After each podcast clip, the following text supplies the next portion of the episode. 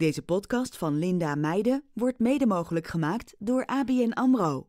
Meer dan de helft, 51% van de starters is tussen de 18 en 34. Oké, en dan? Want hoeveel moet ik dan hebben om te beginnen met beleggen? Het is wel goed om even een plan te maken van ja, waar gaat mijn geld heen? Ik, uh, ik heb eigenlijk een regel met mezelf, is dat ik gewoon niet ga beleggen in producten of dingen of aandelen of bedrijven waar ik gewoon niks van begrijp. Hey allemaal, dit is een heel speciaal seizoen van Meiden de podcast.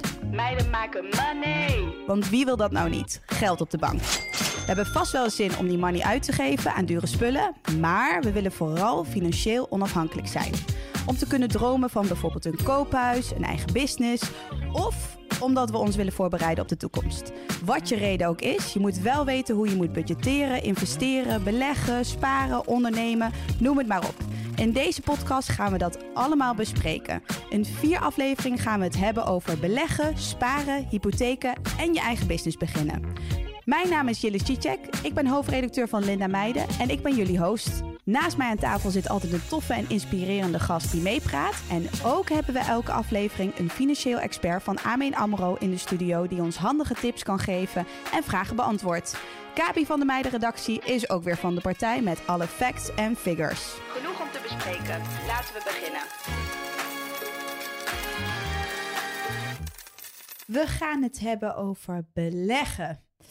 Nou ja, klinkt dit misschien voor jou als een ver van mijn bedshow? Voor mij namelijk best wel. Maar daarom ben ik ook zelf zeer geïnteresseerd in vandaag's podcast. Maar dan moet je even blijven luisteren, want we gaan proberen vandaag alle tips en tricks over beleggen te geven.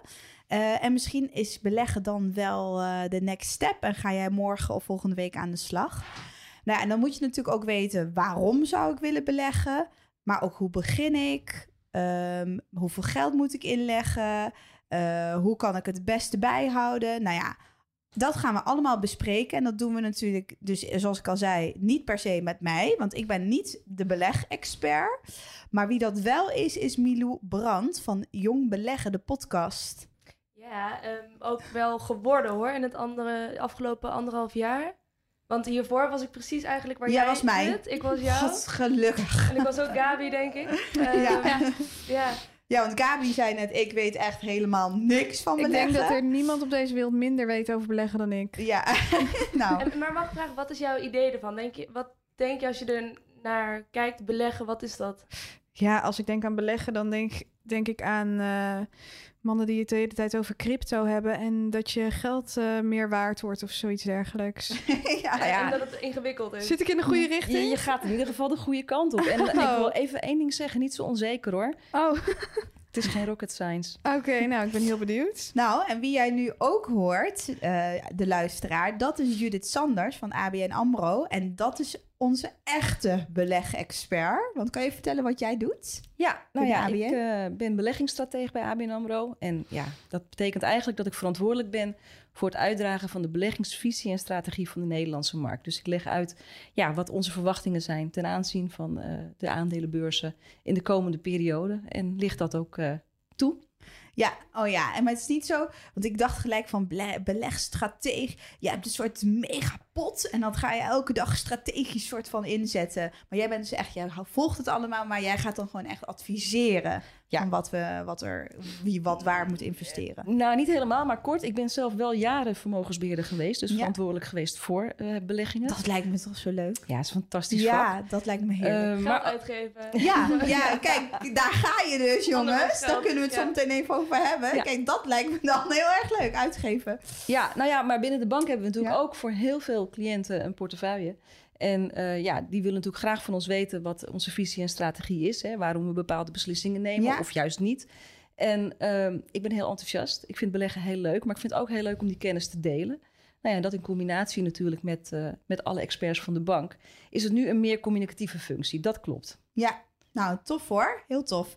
Hey Milo, ik uh, begin even met jou, want jij, ja, jij was als mij. Dus hoe begon dat dan? Ineens dacht je, oké, okay, beleggen, ik vind het interessant. Ik moet daar. Hoe kwam je dan erbij van ik moet een hele podcast opnemen? Ja, ik was vooral podcastmaker in de eerste plaats. En uh, via via werd ik benaderd door iemand die heel veel geld te besteden had en die wilde dat gaan beleggen. Want hij wist, Als ik het nu op de bank zet, nou, de rente die je krijgt is nul. Dat, dat weet iedere luisteraar waarschijnlijk ook met een bankrekening. Daar nou, is praktisch nul. Je krijgt daar niks extra's op. En dus als je dat geld op de bank zet, ja, dan gebeurt er eigenlijk niks. En het wordt zelfs minder waard. Een beetje een ingewikkeld verhaal met inflatie, maar Hm. over 20 jaar kan je minder daarmee kopen dan je er nu mee kan kopen. Dus ja, wat moet je dan doen met dat geld? Hij dacht, ik wil gaan beleggen.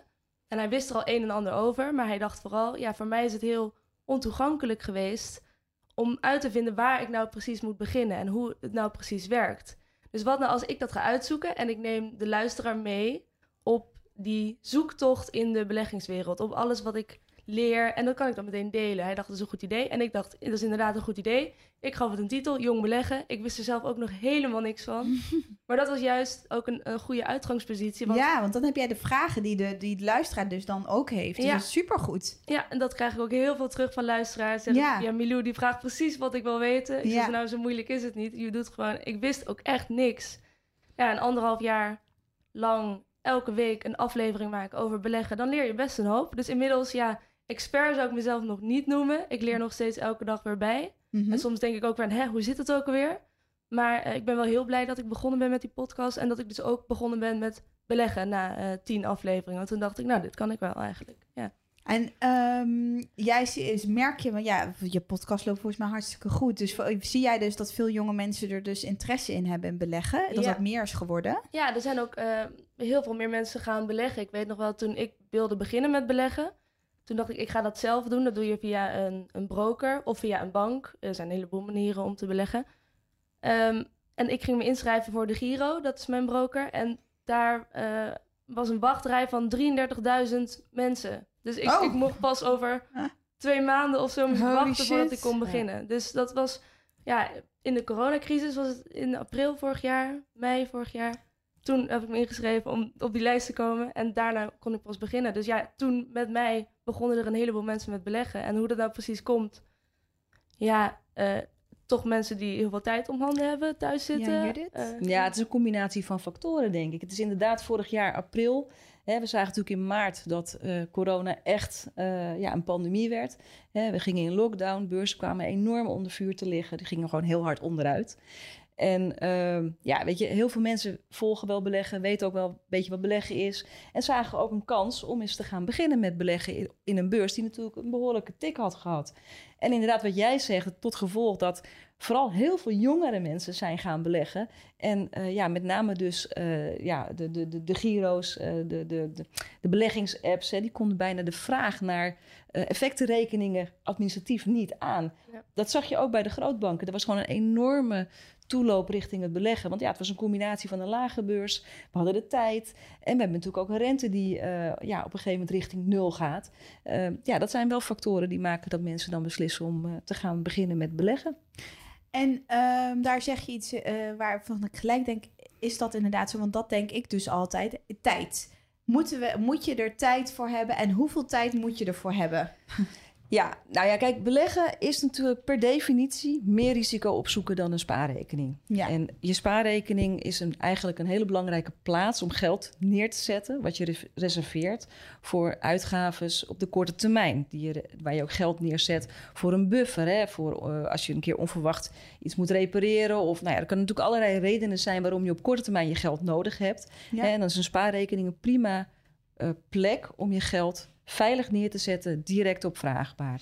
Maar ja, als je kijkt naar eh, je spaarrekening en je ziet dat er veel meer geld op staat dan je direct nodig hebt, hè, geld wat je ook voor een langere periode kan missen, dan kan beleggen een, een oplossing zijn om eh, je geld ja, te proberen te laten groeien. Want wat jij ook net aangeeft, hè, we hebben 0% rente, we hebben inflatie. Nou, ingewikkeld verhaal, maar het komt erop neer dat die euro ieder jaar een beetje minder waard wordt. Hè, inflatie op dit moment is ook wel wat hoger, hè, eh, maar ieder jaar wordt je euro een beetje minder waard. Je krijgt geen rente. Nou, wil je dan dat je vermogen groeit, Mhm. dan zal je naar andere oplossingen moeten gaan zoeken. En beleggen kan daar een voorbeeld van zijn, maar neemt meer risico met zich mee. Ja. ja, dus als je dus wat over hebt, hè, dus als je denkt van ik heb en een spaarpot, ik heb mijn eh, rekeningen zijn betaald, eh, de, mijn schulden zijn betaald, nou ja, whatever. Eh, en dan heb ik nog geld om te gaan investeren, dan, dan kan je misschien gaan beleggen. Oké, en dan? Want hoeveel moet ik dan hebben om te beginnen met beleggen? Ja, ik dacht zelf vanaf het begin van ja, zoveel heb ik niet over wat ik kan gaan investeren. Weet je wel, ik, ja, ik woon in Amsterdam, dan moet je best veel huur betalen. En gewoon, ik heb er ook wel, hou er een leuke leefstijl op na, dus zoveel geld heb ik niet. Dus ik heb lang gedacht van nou, dat, daar ga ik wel mee beginnen als ik echt iets in te leggen heb, weet je wel. Anders zet het geen zoden aan de dijk en ja, te ingewikkeld. Maar ehm, je hebt eigenlijk niet heel veel nodig. Je moet gewoon zeker weten dat het geld is wat je niet op de korte termijn nodig hebt. En ook geld dat je dus eventueel ook kan missen. Mhm. En alleen dan moet je dat gaan beleggen. Laat ik dat voorop stellen. Maar dan kun je al met nou ja, relatief klein bedrag best wel, eh, nou ja, niet helemaal risicovrij inderdaad. Want het is altijd risico, maar met een relatief klein bedrag kan je al heel snel heel gespreid over een heleboel verschillende bedrijven en in verschillende aandelen zitten. Ja, ja, ik denk dat het heel belangrijk is om even wel je te realiseren. Hè, je kan met een klein bedrag beginnen. Je kan bij wijze van spreken al met 25 euro per maand beginnen. Mhm. Ehm, het is wel belangrijk dat als je gaat beginnen met beleggen, dat je een goede spreiding aanbrengt. Mhm. want spreiding is eigenlijk een risicoreducerende factor. Fantastisch woord. Maar je risico wordt kleiner op het moment dat je meer beleggingsvormen, meer titels hebt. Oké, maar ik denk dat... Oké, dan gaan we beleggingsvormen. Want ik denk al... Oké. Jij Ik zit hebt helemaal- beleggingsvormen. ik denk, oké, ik I got it. Oké, we extra heb ik over. Oké, en een beleggingsvorm. Oké, wat zijn er van beleggingsvormen? Hoe, wat moet ik dan weten van tevoren? Van wie, wat zijn die dan? Nou ja, er zijn heel veel beleggingsvormen. Hm. Je, hebt, eh, je hebt aandelen, je hebt eh, obligaties. Ja. Eh, dat zijn natuurlijk gewoon beleggingscategorieën. Hè? Mhm. En je hebt ook natuurlijk beleggingsfondsen. En dat is eigenlijk, een beleggingsfonds is een mandje van verschillende beleggingsvormen. Hè? Dus die kan bestaan uit aandelen, die kan bestaan uit obligaties, het kan bestaan uit een mengeling van beide. Eh, maar het voordeel van een beleggingsfonds of nog een stapje verder, een, een, een tracker, een iShare, hè, dan, dan volg je een mandje van een bepaalde index. Ehm, dat biedt als voordeel dat je een stukje spreiding hebt. Koop jij voor je bedrag één aandeel, dan heb je echt een specifiek bedrijfsrisico. Dan ben je echt gevoelig voor de prestaties op de beurs Van, van één dat bedrijf. bedrijf. Ja, Gaat het goed, gaat het goed, gaat het niet goed? Nee, ja. En juist als je gaat spreiden, heb je Mhm. meer kansen en maar ook je, een lager risico. Maar aandelen, daar weet ik ook niks van. Ik weet wat het, wat het is, maar hoe wordt dat meer, hoe wordt dat minder? Ik heb het Ik- idee dat niet iedereen dat ook weet. Ik stel hem andersom. Wat denk jij dat een aandeel is? Nou, je, je koopt volgens mij dan een heel klein onderdeel van een bedrijf. En als dat bedrijf dan beter draait, dan wordt dat aandeel ook meer waard. Nou, je zegt het heel twijfelachtig, maar je hebt gewoon volledig gelijk.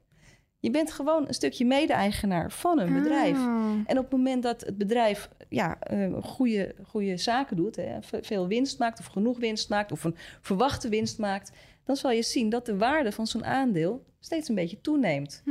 Ehm, daarnaast is er ook nog eens een keer een mogelijkheid dat zo'n bedrijf dividend uitkeert. Dividend is eigenlijk een winstuitkering die ze doen aan de aandeelhouders, dus de mede-eigenaren. En dat is precies wat een aandeel is. Oké, eh, dus dan, ehm, dan, dan, dan ga ik dus voor de beleggingsfonds. En, eh, of spreiding. En ik heb 500 euro. En oké, hoe kan ik dan morgen nu, hoe kan ik dan beginnen? Hoe, of hoe begon jij dan? Hoe, ge- waar, wat deed jij dan als eerst? Nou, wat ik als eerste heb gedaan is tien afleveringen gemaakt van Jong Beleggen Ja. podcast. Dus toen zat ik al... Heel veel informatie verzameld had ik dus. heel veel informatie verzameld. Ja. En waar ik eigenlijk zelf ben begonnen is voor jezelf uitzoeken wat jij nou precies wil. Wat, jij, wat je bedoeling is van dat beleggen. Is jouw bedoeling, wil jij volgend jaar een, een huis kopen en wil je daarvoor gaan beleggen?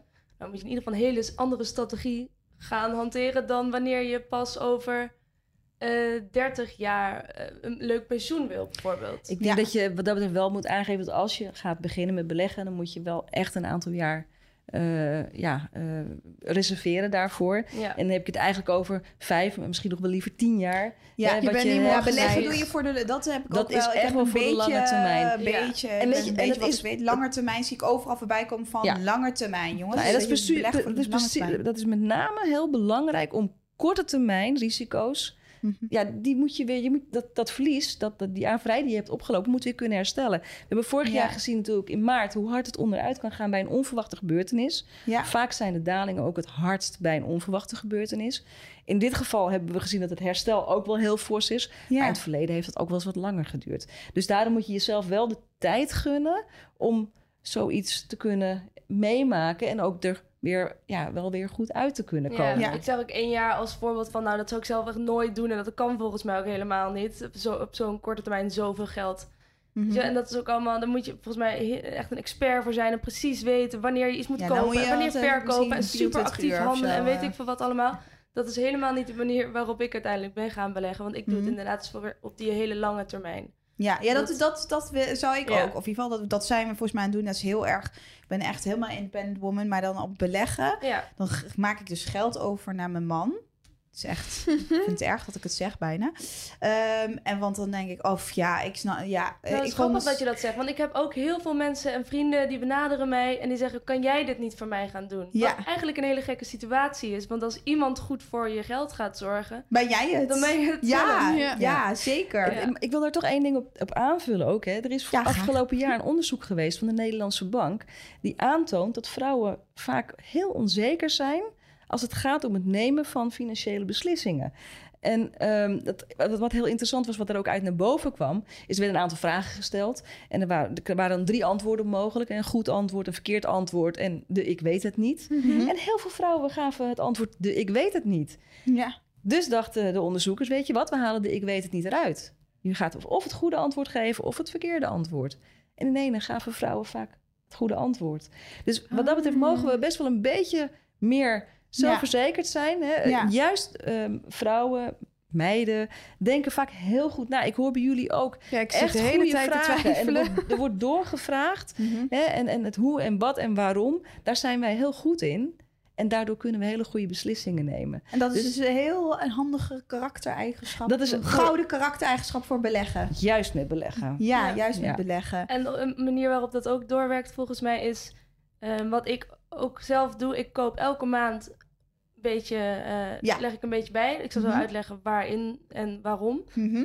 Eh, maar, en dat is ook het enige wat ik dan doe. Want eh, ze zeggen vaak de beste belegger is een, een dode belegger.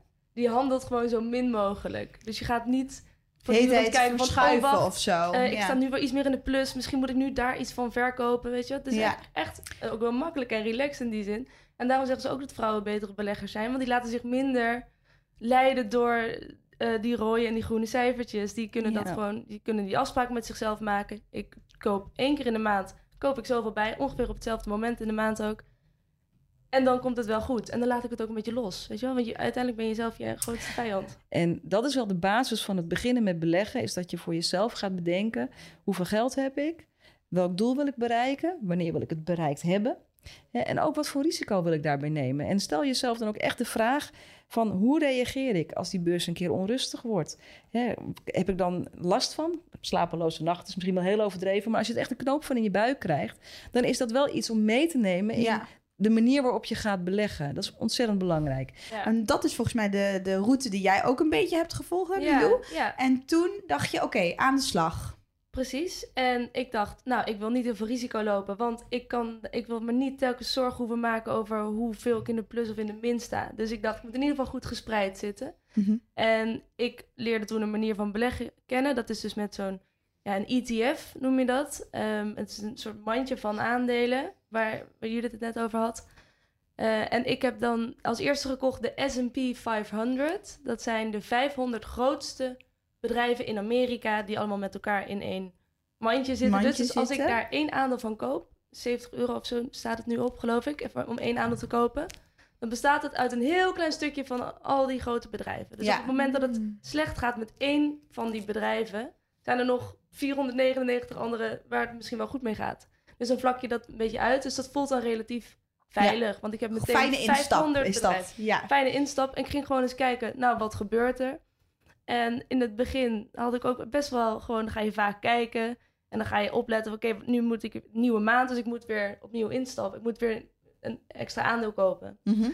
En eh, ik weet nog wel dat ik op een gegeven moment echt zat te wachten. Van ik dacht, nee, nu staat hij nog uh, nu staat hij te hoog. Ik wacht even tot, het, tot het aandeel iets gezakt is. Want dit vind, dit Goedkoper vind om ik in te kopen, Ja, die ene ja. aandeel, ja. Dus ik zat te wachten, te wachten. En een paar dagen gingen voorbij. En het ging alleen maar verder omhoog. En het ging verder omhoog. Tot het moment dat ik dacht, had ik nou maar gewoon maar mijn afspraak gehouden. Ja. Want dan had ik het nu gehad. Dus ik heb uiteindelijk toen op het hoogste moment gekocht. Een uur later zakte die enorm. En toen dacht ik, kom mezelf voor mijn kop slaan. Ja. Maar toen liet ik me ook nog heel erg, toen merkte ik echt dat ik nog heel erg mee bezig was. En nu, nu ben ik daar veel relaxter in. Dus het is Ja. ook gewoon een beetje een soort van Maar jij koopt dus wel op hetzelfde moment. Elke maand koop je dus wat bij. Ja, Koop je dus een aandelen zodat bij. ik dus misschien soms op een als hij heel hoog staat koopt. Ja. En Ja. ook een keer als hij heel laag staat. Ja. En door die afspraak te maken, zorg ik eigenlijk dat ik geen emotionele beslissing Ja. wil maken. Ja, dus met die afspraak maak je me even voor de duidelijk voor met jezelf, toch? Ja, met, ja, je- met ja, jezelf. Ja, zelfde basis, ja. Hey, en ehm, heb je dan ook welke app doe jij dat bijvoorbeeld in? Waar ben jij heel erg fan van? Ehm, nou, ik heb niet alles uitgeprobeerd. Eh, ik heb alleen maar de Giro, die, die kende ik, leerde ik toen kennen. En dat is Ja. een, eh, een online broker waar je elke transactie een beetje betaalt. Een heel klein eh, percentage. Dat verschilt ook. Ja, je hebt één gratis transactie per maand trouwens ook. Mhm. Dus dan eh, kost je helemaal niks op dat moment. Je hebt ook andere apps ehm, die zeggen dan dat het gratis is. Maar gratis bestaat eigenlijk niet echt. Hè, Judith?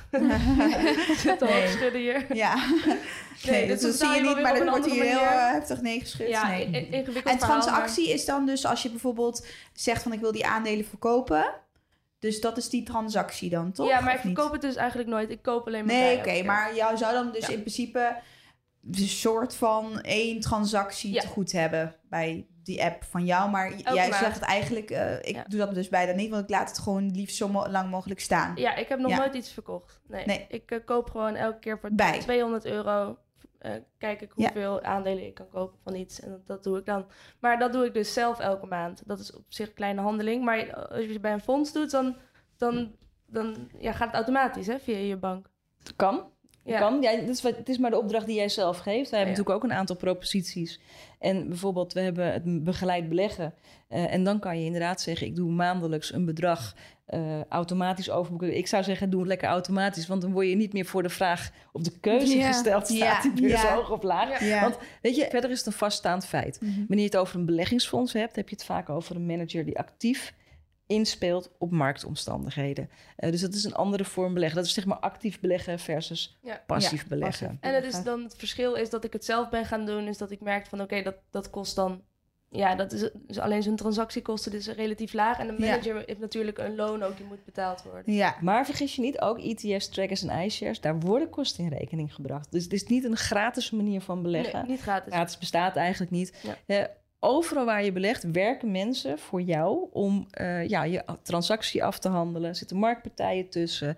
Hè, dus overal worden kosten gemaakt. En het is heel belangrijk om scherp te zijn op kosten. In de zin van, krijg ik er ja, voor, wat voor terug? Hoge kosten en een, een, een slecht resultaat, dat is niet Ja, oké. nee, Eh, maar op het moment dat jij wat meer gaat betalen, omdat je wat meer mensen voor jou gaat laten werken, hoeft het helemaal geen verkeerde keus te zijn. Nee, het is sowieso Ehm, denk ik heel goed om te beginnen met beleggen, op welke manier je het ook doet. Nou ja, als je het Ja, verstandig doet in ieder geval. ja. Maar Ja, Het moet passen. Jij zegt, ik ben zelf begonnen. Eh, voor sommige mensen is dat net even te spannend. Als je dan zegt van, ik ga met een beetje hulp beleggen, dan betekent dat wel dat het wat meer kosten met zich meebrengt. Maar dat betekent ook dat er iemand achter jou staat die jou helpt. ja. En Milou, zit jij dan ook helemaal in de crypto's en eh, de, de munten en de, nou ja, whatever, de bitcoins? Oh, Want ja. ik zit ook in bepaalde groepsapps en dan, is, dan, hoor, dan vliegt het over en weer van... eh, ik heb wel nog een eh, bitcoin gekocht en nee, oh nee, helemaal niks meer waard. En, nou ja, dus Ja. jij, hoe zit jij daarin in Ja, de wedstrijd? Bitcoin. Nee, ik, eh, ik heb eigenlijk een regel met mezelf, is dat ik gewoon niet ga beleggen in eh, producten of dingen of aandelen of bedrijven. Of cryptocurrencies in het algemeen, waar ik gewoon niks van begrijp hoe eh, de waarde nou precies tot stand komt. En ik heb het idee dat het echt nou ja, afhangt van mensen die er weer iets over gezegd hebben, hoe die koers vervolgens gaat. Het is gewoon geen pijl te trekken. Ik snap het niet, dus ik beleg er ook niet in. Dat is wel een belangrijke regel die ik met mezelf heb. hey, we gaan heel even naar de cijfers. Ja. Kaap, jij hebt cijfers. Ja, zeker. Ehm, nou, eh, het is dus blijkbaar best, wel- best wel veel mensen zijn inderdaad eh, gaan beleggen afgelopen eh, jaar. 160.000 mensen ehm, zijn gaan beleggen, extra mensen zijn gaan beleggen. Nu zijn het er 1,6 miljoen die dat doen. Eh, wat betekent dat 1 op de 5 huishoudens belegt. Dus Dus nu, heb, nu heb je natuurlijk enorme FOMO als je dan nu denkt van... ik denk echt, Shit. wat? ja, Zoveel mensen ik mis iets.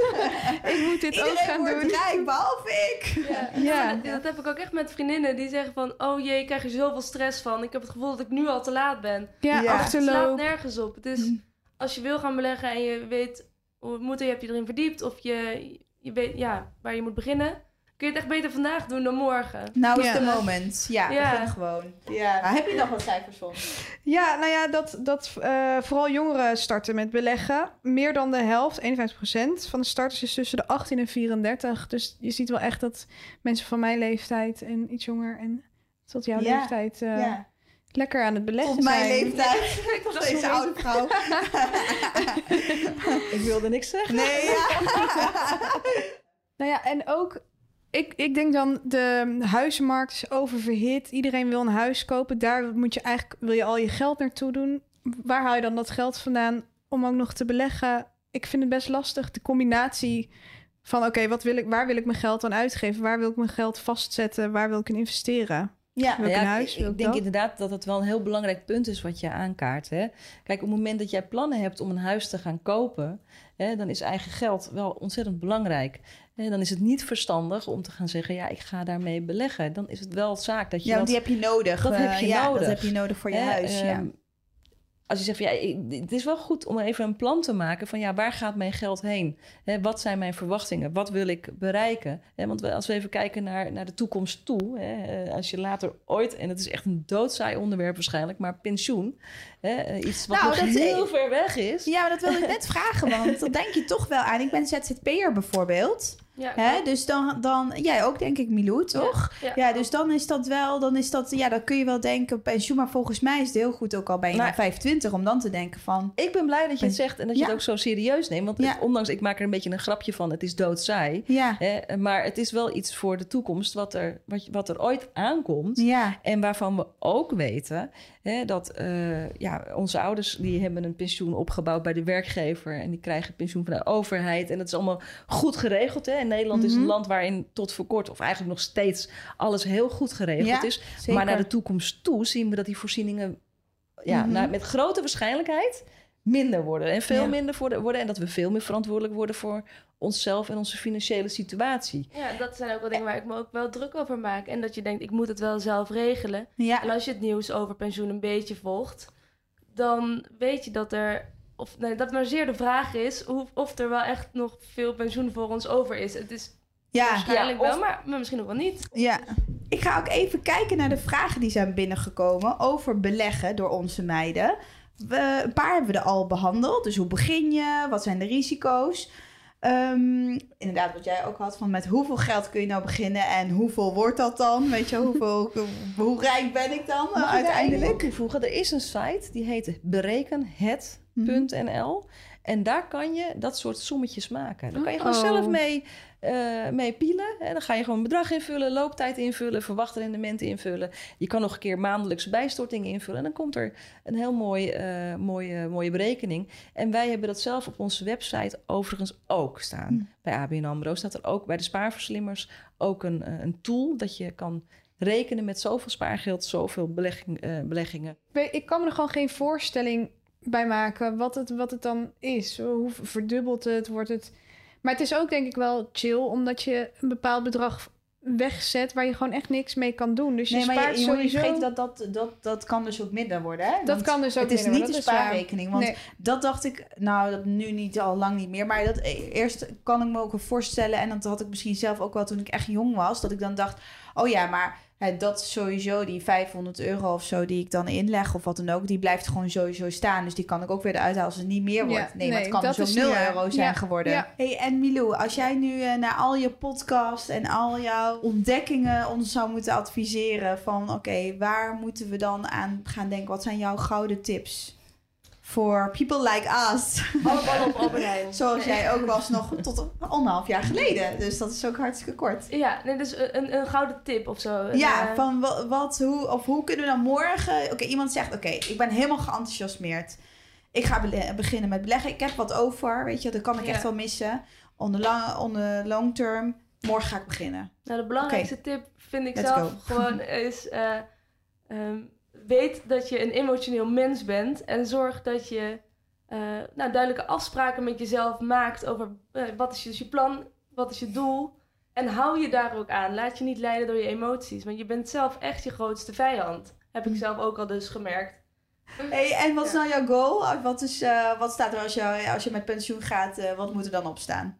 Wat denk jij dan? Iets waarmee ik mijn uh, huidige leefstijl kan behouden. Of mijn leefstijl op dat moment. Dus dat ik gewoon op vakantie kan. En dat ik niet op een, een flatje ergens in... Nou ja, ik wil niemand beledigen, dus ik zal geen specifieke locaties noemen.